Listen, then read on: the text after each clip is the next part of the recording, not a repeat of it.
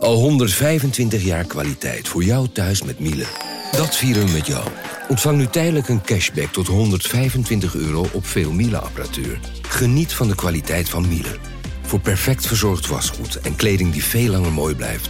Voor een stralend schone vaat, even perfect als jouw diners. En een stofvrij thuis waarin echt hygiënisch schoon de standaard is. Check miele.nl voor alle feestelijke aanbiedingen. Hey podcastluisteraar. Ook op zoek naar een relevante invulling van je schaarse luisteruren? Tune dan in op de podcastserie ESG, even samengevat van BNP Paribas. Wij, Marloes en Aldert, spreken daar duurzame voorlopers en wereldverbeteraars. Waarover dan? Nou, bijvoorbeeld of we ooit duurzaam kunnen gaan vliegen. En waarom koeien in de stad nou een goed idee is? Dat en meer elke twee weken in een nieuwe aflevering. Dus abonneer je. ESG, even samengevat.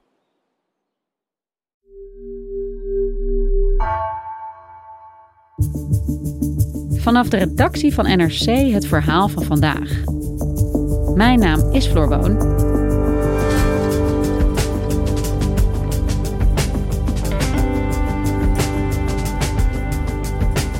Na maanden vertraging presenteerde het kabinet deze week een website waarop boeren zelf kunnen berekenen of zij stikstofpiekbelasters zijn en zich dus kunnen laten uitkopen.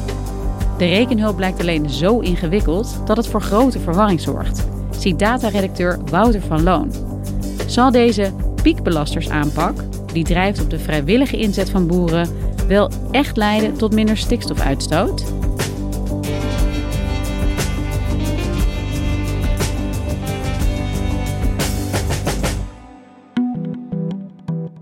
Een jaar geleden kwam minister Van der Wal, minister van Stikstof, met het beruchte stikstofkaartje. En daar stond dan op hoeveel stikstofuitstoot in elke regio uh, gereduceerd zou moeten worden. Ik denk dat iedereen zich dat nog wel kan herinneren. De stikstofkaart van minister Van der Wal slaagt in als een bom bij de boeren. We staan heel dicht bij mijn huis. Mijn kinderen staan hier binnen te trillen. Ja, ja, ja. Ja? We gaan een kalf ophangen, symbolisch, net als de overheid bij ons. Je moet het zo zien, is dat ze je familie gewoon zo... tsk. We zijn nu een jaar verder. Dat kaartje is inmiddels van tafel. Maar in de landbouwsector is iedereen weer in rep en roer. Want er is een nieuwe aanpak, namelijk de piekbelastersaanpak. De Europese Commissie heeft de plannen van het kabinet goedgekeurd om grote uitstoters van stikstof aan te pakken. Met de regeling wordt het mogelijk om de zogeheten piekbelasters snel uit te kopen, zodat de uitstoot op korte termijn omlaag kan. Maar de overheid weet nu niet wie de piekbelasters zijn. Dat klinkt een beetje vreemd, maar de overheid zegt... wij hebben de gegevens van die boeren zelf nodig om daarachter te komen. En daarom is er een rekentool ontwikkeld en die is afgelopen week gelanceerd. Welke Gelderse boeren zijn de grote piekbelasters in de buurt van beschermd natuurgebied? Het ministerie van Landbouw heeft vandaag een rekenmodel online gezet. Waarmee boeren zelf kunnen uitrekenen hoeveel stikstof ze uitstoten en of ze in aanmerking komen voor een uitkoopregeling. Dat was ook wel echt een uh, lang verwacht moment, hè? maar ja, dat liep toch niet helemaal soepel. Het bleek gewoon heel ingewikkeld te zijn om dat goed in te vullen. Ik zie, zie hem voor het eerst nu. Weet u allemaal wat dat betekent? Nee, ik was er al bang voor dat dit uh, niet door een leek uh, ingevuld kan worden. Ik heb hem vanmorgen ingevuld. Maar ik moet bij zeggen dat die voor de gemiddelde veehouder uh, is die niet echt heel gebruikersvriendelijk. Ja, dat roept wel de vraag op. Die piekbelastersaanpak, brengt ons dat nou een beetje in de richting van een oplossing van de stikstofcrisis? Ja, dus de overheid spreekt eigenlijk boeren individueel aan en zegt: vul je gegevens in, dan kunnen we weten of jij wel of niet tot die groep uh, behoort. Wat moeten de boeren hier precies voor doen? Er is dus een rekentool ontwikkeld. Die kun je gewoon online vinden op een website. Dus dan ga je naar regelingsondersteuning.areas.nl. En dan kom je dus ja, in die tool terecht. Ik heb hem hier ook voor me. Met Areas Check kunt u berekenen wat de depositievracht is van een enkele referentiesituatie en bekijken of deze vracht boven of onder de drempelwaarde van de LBV Plus valt. Ik begrijp hier nu echt al helemaal niks van. Nou, je bent niet de enige. Boeren hebben hier ook best al moeite mee om dit te kunnen begrijpen. Maar het idee is, we gaan nu onze gegevens invullen en dan kunnen we dus zien hoeveel stikstof er in een natuurgebied landt. Dat is eigenlijk wat de tool doet. En wat voor informatie moeten ze daar dan bij invullen? In die tool daar moet, ja, daar staat gewoon super gedetailleerde informatie in. Want eh, je moet je voorstellen, achter die tool zit een rekenmodel en die rekent gewoon met alle variabelen die je op een boerderij kan vinden.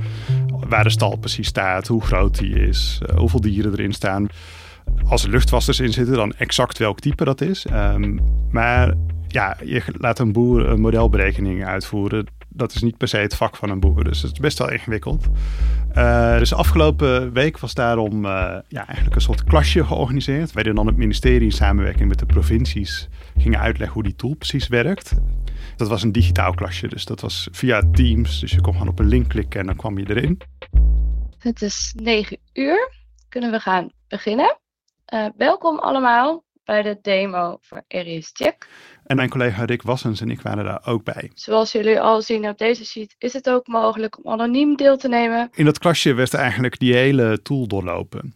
Uh, gewoon echt stap voor stap. Elke stap werd, uh, daar werd even bij stilgestaan. Hier kunt u het adres invoeren of de plaatsnaam en er naartoe uh, inzoomen. Ze pakten dan eigenlijk een, een, een fictieve stal die ze dan intekenen, lieten ze zien hoe je zo'n vierkantje maakt en um, ja, hoe je daar bijvoorbeeld de dieraantallen aanhangt. En soms ook werd even uitgelegd, oké, deze term, dat betekent eigenlijk dit. Of dat mag je zo interpreteren. Of hier moet je helemaal niet aankomen, want er waren ook opties waar je niet aan mocht komen. Je kunt verder uh, de bronkenmerken invoeren.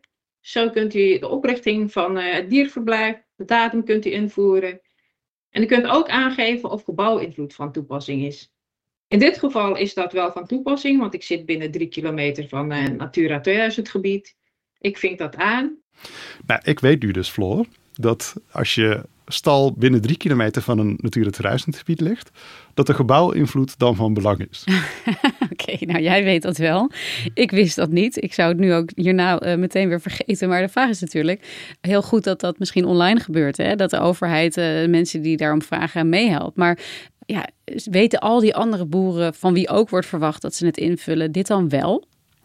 Ja, er waren hier ongeveer 60 deelnemers. Nou, dat zijn er niet zo heel veel als je kijkt hoeveel boeren er zijn. Hè. Dat zijn er duizenden en duizenden. En die voelen zich ook best wel onzeker. Hè? Van heb ik dit goed ingevuld? Kloppen deze berekeningen eigenlijk wel? Want in sommige gevallen kan het best wel een verschil opleveren als je je stal per ongeluk twee meter de verkeerde kant op uittekent.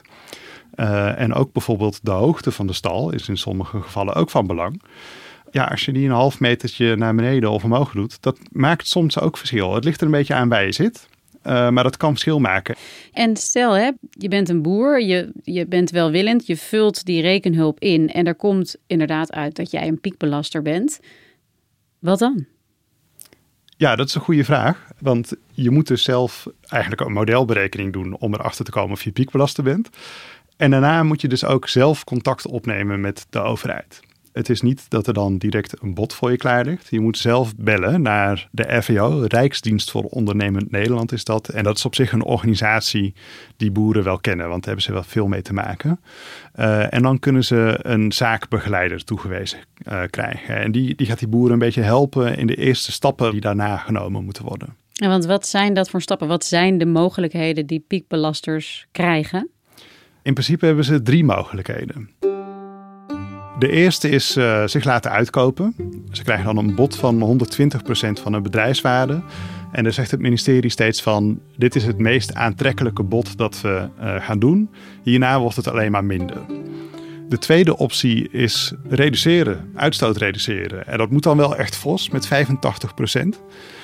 Dus ja, voor heel veel boeren is dat geen optie. Dat is zoveel. Maar soms kan het wel met bijvoorbeeld innoveren. Je hebt stalsystemen die 80 tot 90 procent van de uitstoot reduceren. Dus als je geluk hebt, dan kan dat met misschien nog een beetje een kleinere veestapel of zo. Daar moet je dan een plan voor maken. En daar, daar helpt die, die zaakbegeleider ook bij. Door ook de relevante overheden daar, uh, daarbij te trekken. Ja, en daarnaast is het ook nog een optie om, uh, om te verplaatsen. Dus dat je, stel je hebt een uh, naast de Veluwe, dat je verder gaat met boeren in Drenthe. Um, dat is niet een optie die voor heel veel boeren is weggelegd. Maar ja, als je het geluk hebt dat je een lege boerderij vindt, dan, dan is dat ook nog een optie. Ja, dus Wouter, de overheid geeft boeren wel verschillende opties, maar sturen ze eigenlijk niet uiteindelijk aan op zoveel mogelijk uitkoop? Ja, voor de overheid is dat natuurlijk het fijnste. Het is een relatief makkelijke oplossing. En je weet zeker dat alle uitstoot van die boerderij, die is weg. Daar kan niks meer tussen komen. Maar zoals jij het vertelt, wordt die verantwoordelijkheid om in ieder geval te beginnen met uitzoeken wie die piekbelasters zijn, wordt helemaal en volledig bij die individuele boeren gelegd. Ehm, ja, wat als ze gewoon beslissen om het niet in te vullen of het wel invullen, maar vervolgens geen contact opnemen met de overheid om zichzelf te melden? Ja, dat is, dat is de zwakke plek ook van deze aanpak. Met de definitie die er nu is, zijn er 3000, ongeveer 3000 piekbelasters in Nederland. Maar eerder had Johan Remkes, die dus het kabinet had geadviseerd hoe ze uit deze crisis zouden kunnen komen, uh, had geadviseerd om uh, de top 600 uit te kopen. Uh, gewoon allemaal, de 600 grootste piekbelasters. Toen heeft het ministerie bedacht van nou, dat gaan we nooit op vrijwillige basis doen en we willen die boeren niet dwingen. Dus we gaan proberen om hetzelfde resultaat te halen, maar dan door 3000 piekbelasters ja, vrijwillig over te halen om zich aan te melden. Inmiddels zegt het ministerie, we zijn tevreden als ongeveer 20% van deze groep meedoet aan de regeling. Dat zijn dus ongeveer 600 boeren. Um, maar dat is niet per se die top 600. Die kunnen verspreid zijn over die grote groep van 3000. Uh, dus daar hou je niet hetzelfde resultaat mee. Want als je bijvoorbeeld kijkt naar de 100 grootste boeren, die hebben ongeveer de helft van dat resultaat zit er al in als die allemaal meedoen. Maar als die niet meedoen, ja, dan zit je met, moet je twee, drie, vier andere boeren wat lager op de lijst zien te overtuigen. Maar in maart hebben Rick Wassens en ik berekend wie de piekbelasters zouden kunnen zijn op basis van een eigen berekening. Uh, en die zijn we toe gaan bellen. En daarvan zei uh, ja, bijna iedereen zei: Wij willen niet meedoen aan deze regeling. We hebben een goed lopend bedrijf. Het gaat eigenlijk heel goed met ons. Waarom zouden we ons laten uitkopen of waarom zouden we iets veranderen? Dus ja, de zwakke schakel van deze aanpak is: willen deze boeren eigenlijk wel meedoen? Ja, ik uh, vind het een hele legitieme vraag. En het punt is natuurlijk ook, hè, bedoel, we hebben het heel vaak gehad, ook in deze podcast over stikstof. Uh, de uitstoot moet omlaag, maar het wordt wel heel ingewikkeld gemaakt uh, voor boeren ook om dat daadwerkelijk te gaan doen. Waarom denk jij pakt de overheid nou op deze manier aan? Waarom wijst de overheid niet zelf de piekbelasters aan, bijvoorbeeld, om ze vervolgens uit te kopen? Zij zeggen, we hebben de gegevens niet van deze boeren om, om precies te zien of zij wel of niet tot deze groep horen. Uh, dat is het formele antwoord. Maar ik denk dat er ook nog wel iets anders meespeelt. Deze podcast begonnen we natuurlijk met dat stikstofkaartje, wat zoveel uh, ja, beroering in de, in de agrarische sector opriep. Ik denk dat als, als er een lijst zou zijn met uh, boeren, dat dat misschien wel dezelfde uh, weerstand zou kunnen oproepen. En ik denk dat het, het ministerie daar ook wel bang voor is dat dat zou gebeuren. Ze zeggen zelf ook: wij willen geen lijst hebben. Dat heeft natuurlijk hele grote gevolgen voor zo'n bedrijf als dat openbaar zou worden. Voor bijvoorbeeld de bank, maar misschien ook wel voor rechtszaken van milieuorganisaties en zo. Dus ze laten altijd initiatief bij de boeren. Ze zeggen: Kom naar ons, dan gaan we je proberen te helpen. Dat is eigenlijk de boodschap die ze hebben. En als je dat niet doet, dan, uh, ja, dan wordt er gedreigd met dan verplichtend instrumentarium, wordt dat genoemd. Uh, en dat zou dan, die, die combinatie van een enorme bak met geld om te helpen en juist een soort van dreigende stok die erboven hangt, die op je neerdaalt als je niet vrijwillig meedoet. Uh, ja, dat is het hele idee erachter. Maar het, het hele narratief moet zijn deze boer wilde het zelf. Die heeft al het initiatief genomen. Maar en waarom maken ze het dan zo ingewikkeld? Het ministerie heeft het wel geprobeerd om het, om het wat simpeler te maken voor die boeren. Dus nu moeten ze eigenlijk gewoon de hele modelberekening doen. Uh, en er is geprobeerd om ook een soort ja, korte vragenlijst te maken. Waarin ze dan heel snel zouden kunnen zien van ben ik ongeveer een piekbelaster. Dat waren vragen als uh, in welke provincie staat je boerderij en hoeveel dieren staan daarin en wat is de afstand tot een Natura 2000 gebied en zo.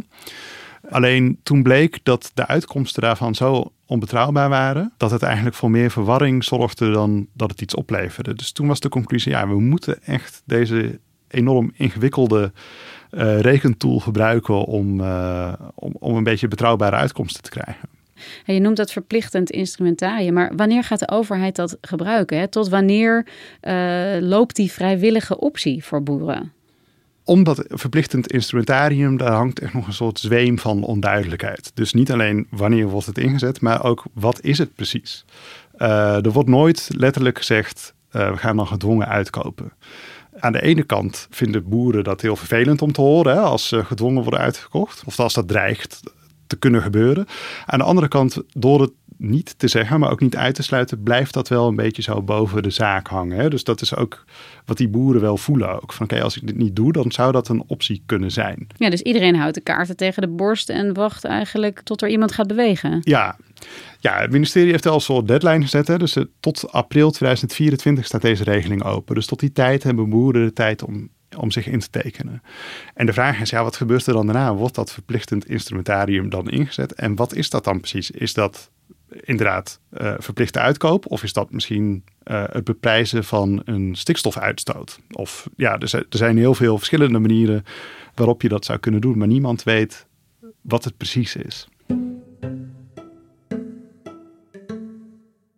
En april 2024 is best wel ver weg alweer, hè, terwijl die klok tikt maar door. Wat is nou jouw verwachting? Gaat er tot die tijd echt wat gebeuren of gaan we gewoon weer een hele periode van uitstel tegemoet? Ja, dat, ik vind dat heel moeilijk inschatten. We hebben afgelopen week met heel veel boeren gebeld uh, om te vragen hoe zij erin staan dan hoor je naast deze tools wel erg moeilijk om in te vullen. En ik ben afgehaakt, hoor je ook, ik vul hem ooit nog wel een keer in. Ik zie wel. Uh, je hoort ook heel veel, uh, ik ben helemaal niet geïnteresseerd in deze regeling, dus ik ga hem überhaupt niet invullen. Um, en van de mensen die het wel hebben gedaan, um, die weten dat ze piekbelasten zijn. Die zeggen nou, ik wacht nog wel even af. Ik kijk wel even wat er gaat gebeuren. Uh, ik heb ook al gehoord van, nou, je wordt de hele Gelderse Vallei, wat een soort inkeping is in de Veluwe, waar heel veel boeren zitten, die wordt helemaal leeggeveegd. Dat gaan ze echt niet uh, laten gebeuren zonder slag of stoot. Um, want de provincies hebben hier ook echt een belangrijke rol in. Hè? Die, die voeren eigenlijk het stikstofbeleid uit. En ja, nu komen langzaamaan druppelen de eerste coalitieakkoorden in de provincies uh, binnen, na de provinciale statenverkiezingen. En bijvoorbeeld in Gelderland, waar gewoon 60% van de piekbelasters zit, die zeggen al, wij gaan in elk geval niet meewerken aan een gedwongen uitkoop. Uh, ja, dat is natuurlijk toch wel een steun in de rug van de boeren die, ja, die eigenlijk niks willen doen. En ja, ik denk dat het twee kanten op kan gaan. Het zou kunnen dat, uh, dat boeren toch eieren voor het geld kiezen uiteindelijk. En toch ingaan op die regeling. Maar het zou ook heel goed kunnen dat er straks weer uh, trekkers op de snelweg rijden. En, en ze toch niet akkoord gaan met, met dit voorstel. We gaan het zien. Dankjewel Wouter. Graag gedaan.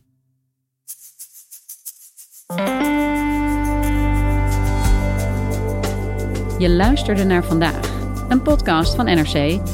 Eén verhaal, elke dag.